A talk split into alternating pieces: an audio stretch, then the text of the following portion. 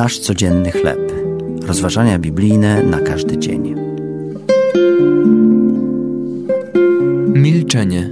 Tekst autorstwa Davida Ropera na podstawie przypowieści Salomona, rozdział 10, wersety od 19 do 21. Mój kolega wędkarz zauważył, płytkie strumienie robią najwięcej hałasu. Jest to ciekawa odmiana starego powiedzenia: spokojna woda płynie głęboko.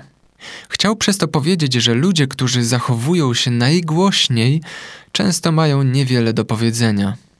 Drugą stroną problemu jest to, że nie potrafimy dobrze słuchać. Przypomina mi się wers ze starej piosenki Simona i Garfunkela pod tytułem Sounds of Silence dźwięki ciszy. Mówi on, że ludzie słuchają, a nie słyszą.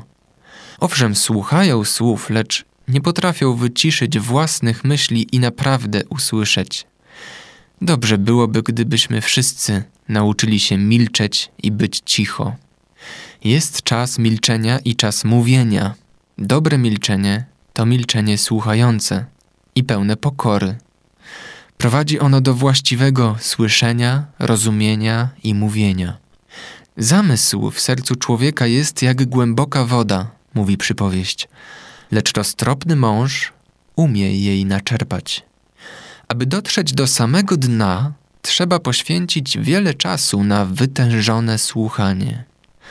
Gdy przysłuchujemy się innym, powinniśmy jednocześnie słuchać, co ma do powiedzenia Bóg. Przypomina mi się Jezus, piszący na piasku, gdy faryzeusze urągali kobiecie przyłapanej na cudzołóstwie. Co wtedy robił?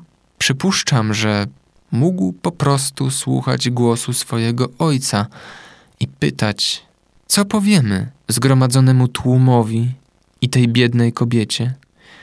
Jego odpowiedź nadal rozlega się po całym świecie. To były rozważania biblijne na każdy dzień. Nasz codzienny chleb.